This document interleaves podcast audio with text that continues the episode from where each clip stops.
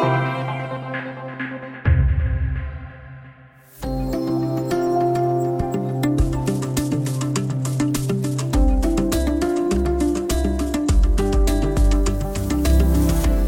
Elektorsrösterna har godkänts och Joe Biden är klar som tillträdande president. Donald Trump har utlovat ett fredligt överlämnande av makten. Fredligt var det inte under onsdagen. Stormningen av Capitol Hill var exceptionell och ingen liknande attack på demokratiska institutioner har skådats i modern tid i USA. Inte bara USA befinner sig i chock efter detta. Reaktionerna från omvärlden har också varit väldigt starka. Även för det republikanska partiet får händelserna stor betydelse. Välkommen till Studio DN. Jag heter Sanna Thorén Björling.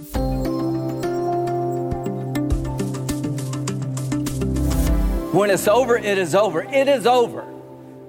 The final thing Joe Biden, I've traveled the world with Joe. I hoped he lost. I prayed he would lose. He won.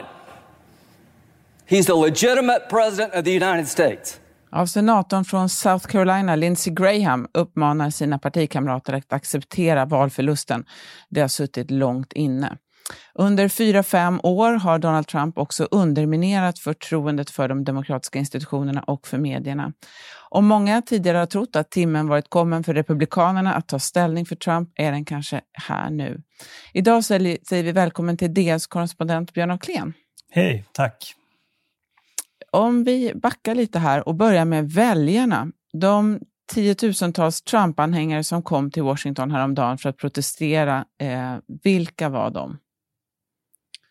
Ja, det är Trump-väljare som tror på presidentens ord om att valet är stulet och de uppfattar att de gör den amerikanska demokratin en tjänst genom då att eh, försöka avbryta kongressens bekräftelse av eh, lektorskollegiets röster, det vill säga det sista steget innan Joe Biden tillträdde som president den 20 januari. Och det här är något som Trump har uppmanat dem att göra under flera månader, men inte minst timmarna innan de faktiskt gjorde det under ett möte på The Mall utanför Vita huset. Hur eh, speciella eller liksom extrema skulle du säga att de här Trump-väljarna är? Skulle du säga att de är vanliga människor eller eh, eller väldigt på ytterkanten? Ja, de tycks ju representera eh, uppåt 70 procent av republikanska väljare tror ju att eh, valet har gått till på ett oegentligt sätt och att valet är stulet från republikanerna, att Joe Biden inte är en legitim president. Så på det sättet utgör de ju inte en ytterkantsgrupp. Sen är det såklart inte alla som är beredda att ge sig ut för att storma USAs demokratiska märkesbyggnad Capitolium i Washington DC. Och I den bemärkelsen är de väl en ytterkantsgrupp, men deras passion eller deras indignation representerar ju större flertalet republikanska väljare enligt statistiska uppgifter. Mm. Det där, just det där tycker jag är väldigt intressant, att det är både Ibland blir det väldigt mycket fokus på de här extrema grupperna som Proud Boys och som är uppenbarligen liksom våldsbenägna, men även det finns ju rätt många vanliga morsor och farsor som, är, eh, som kommer från hela USA.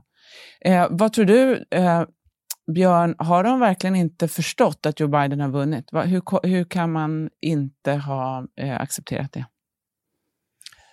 Nej, jag tror många av dem verkligen tror på president Trumps ord. Han har ju varit otroligt tydlig med att valet är riggat och stulet och har gått oegentligt till. Och även republikanska kongressledamöter, uppåt 140 ledamöter av representanthuset, republikanska ledamöter av representanthuset och 12 senatorer var ju beredda att inför det här mötet i kongressen eh, försöka blåsa av den här ceremonin och peka på vad man uppfattade som oegentligheter i hanteringen av valresultat. Så um, det, det, är en utbredd uppfattning uppenbarligen och det är egentligen inte så förvånande att de tror det eftersom deras auktoriteter, presidenten och hans ledamöter i kongressen ju har sagt att det är så.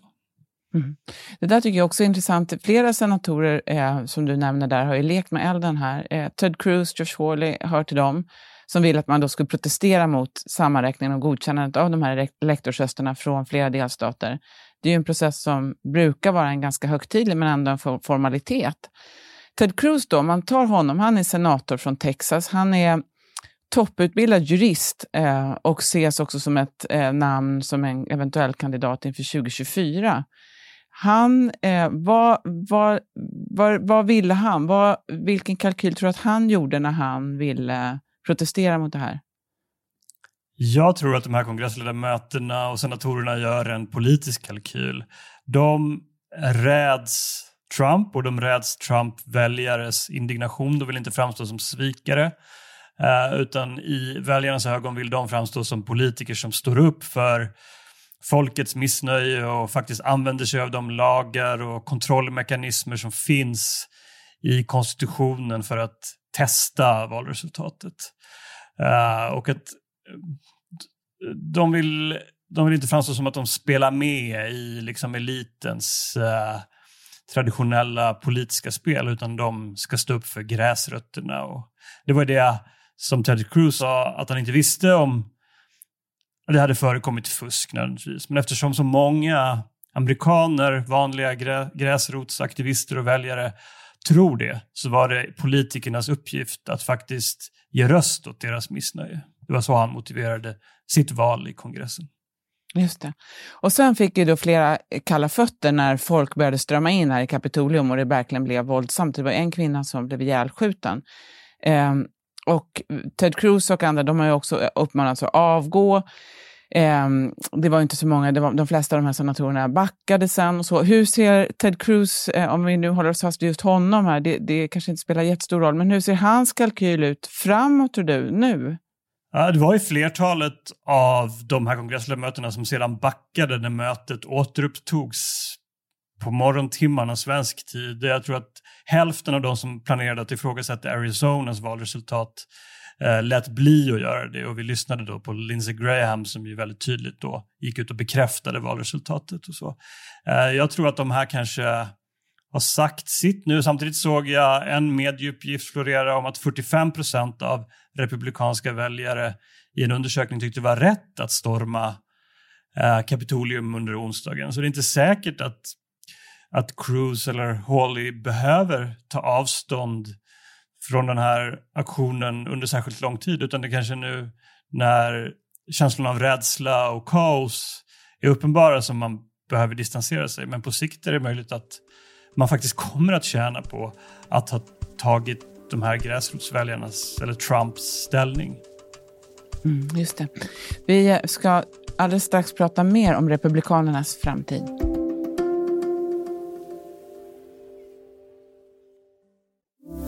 The best way we can show respect for the voters who are upset is by telling them the truth. Ja, det här var Mitt Romney, senator från Utah, som eh, pratar om vad han tror är rätta medicinen för att övertyga folk om, om eh, den vägen framåt. Vi talar med Björn af Kleen om vad som händer med Republikanska partiet nu. Mitt Romney han har ju varit kritisk till Trump länge. Finns det någonting som tyder på att väljarna eh, lyssnar på sådana här argument som han för fram? Alltså nu har ju till stor del på grund av Trump Republikanerna förlorat inte bara Vita huset och representanthuset utan också senaten genom utgången i extravalet i Georgia. Alltså det, det är ju en sanning och ett faktum som man får anta kanske kommer att bita på även republikanska väljare när, när det blir uppenbart att, att republikanerna faktiskt har backat på, på så många fronter i Washington. Um, och uh, Romney var ju helt ensam i partiet under riksrättegången tidigare under 2020, men nu framstår han ju mer, i alla fall under den här krisen, som en vägvisare för partiet. Och flera republikanska tunga personer som Mitch McConnell och Lindsey Graham har ju ekat hans kritik av Trump. Och Mitch McConnell gjorde ju ett väldigt starkt uttalande där han sa att om vi ifrågasätter elektorskollegiets röster så kommer vi att gå in i en demokratins dödsspiral. Så eh, det är möjligt att, att Romney är en av de republikaner som faktiskt kommer tjäna på, på den här tragiken i Kapitolium. Mm. Jag tycker det är intressant att det, det är som att de här åren har eh, fördjupat någonting som redan fanns ju tidigare, men att eh, nu har 80 procent av väljarna nu eh, på båda sidor anser att den andra sidan, sympatisörer, har en helt annan uppfattning om vad som utgör amerikanska kärnvärderingar. Det här är enligt Pew Research. Och nio av tio uppgav inför valet 20, 2020 att en seger för den andra kandidaten riskerar att åsamka USA allvarliga skador. Och det är ju liksom siffror som gäller lika mycket för båda sidor här. Hur svårt blir det för republikansk, det republikanska ledarskiktet här, tänker jag, om de nu inser att de behöver göra någonting eh, för att göra, eh, distansera sig från Trump. Hur, eh, hur ska de klara av att få med sig väljarna där, tror du?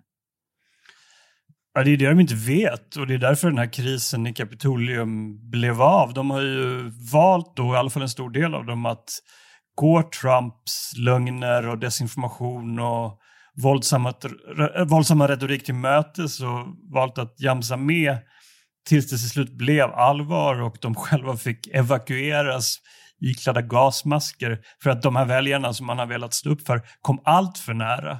Så jag tror inte att, att partiet har en rimlig analys av vad som är deras väg framåt. Men jag tror lika fullt att man inser att Trumps grepp om partiet är bokstavligen livsfarligt och att just nu ser det ut som att det vore svårt för Trump att kandidera som republikan till valet 2024.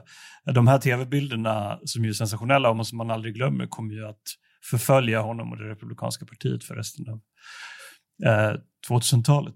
Mm. Men det pratas ju lite grann om att det finns ju både republikaner och andra konservativa som, som talar nu om att använda sig av 25 tillägget, nämligen att liksom försöka göra sig av med Trump eh, och försöka avsätta honom. Hur, hur skulle det där gå till?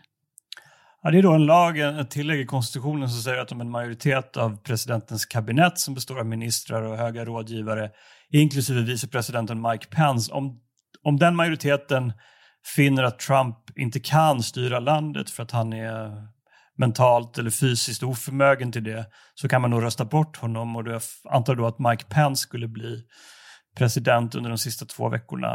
Um, det är svårt att säga att det skulle hända, men att den diskussionen uppenbarligen förs bland personalen i Vita huset säger ju att man också insett hur farlig Trump verkar vara för sin egen befolkning. En annan fråga är ju om det skulle gå eh, avsätta honom genom en riksrättsprocess nu eh, på slutet. Då skulle han väl inte heller kunna ställa upp 2024? Nej, just det. Det säger ju många att, att man omedelbart ska ställa honom inför riksrätt i representanthuset och bekräfta det i senaten.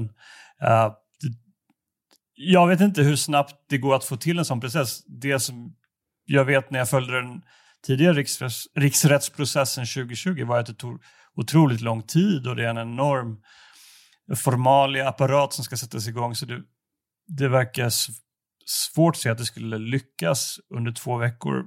Men det är möjligt att det går, men det skulle också skapa en enorm indignation bland de här Trump-väljarna som trots allt röstade på honom i väldigt hög utsträckning och som redan uppfattade det som att det finns en stat i staten som inte låter honom styra och inte låter honom vinna. Så det finns naturligtvis en stor risk med, med att göra det, precis som det fanns förra gången också när man mm. drev, ställde honom inför riksrätt. Ja, det, det, det känns ju mer troligt att man låter tiden gå nu här, härdar ut de här två veckorna eh, tills eh, Joe Biden installeras. Eller? Man får ju i praktiken känslan av att Trump redan är rundad av en del av sitt kabinett och vicepresident Mike Pence. Enligt medieuppgifter var det Pence som tog beslutet under onsdagen att skicka in nationalgardet när situationen uh, gick ur kontroll i Kapitolium och uh, de talar ju nu om situationen i landet som att Trump inte riktigt är president utan han, han verkar isolerad både sitt eget parti i Vita huset och eh, i Washington. Mm. Avslutningsvis då, Björn, vad tror du? Eh, vad kommer du att titta på om man just borrar sig fast kvar vid det här med vad som händer med Republikanerna och det Republikanska partiet? Vad kommer du att titta efter framåt här nu under våren? Alltså man får titta på de här både nyinvalda eh, personerna i, i representanthuset och i, och i senaten som ju har varit Trumps mest högljudda försvarare Eh, vad de nu kommer att göra när de inte har sin idol på plats i Washington längre. Finns det en ny ledare som de kan sluta upp bakom? Det har talats om att de inte ser sig som republikaner längre utan de ser sig som medlemmar av Trump-partiet. De diskuterar om de ska starta ett nytt parti, ett Patriot Party. Uh, jag tänker att man måste följa deras vägval och hur ska de eh, bevara stödet från sina väljare som de måste som, som, som ska prövas i mellanårsval om två år och i det allmänna valet 2024. Hur ska de göra när, när de inte har Trump att uh, spegla sig i? Mm. Just det. Ja, det blir jättespännande. Tusen tack, Björn. Tack. Studio DN görs för Podplay av producent Sabina Marmelakai, exekutiv producent Augustin Erba, ljudtekniker Patrik Miesenberger och teknik Oliver Bergman, Bauer Media. Jag heter Sanna Thorén Björling.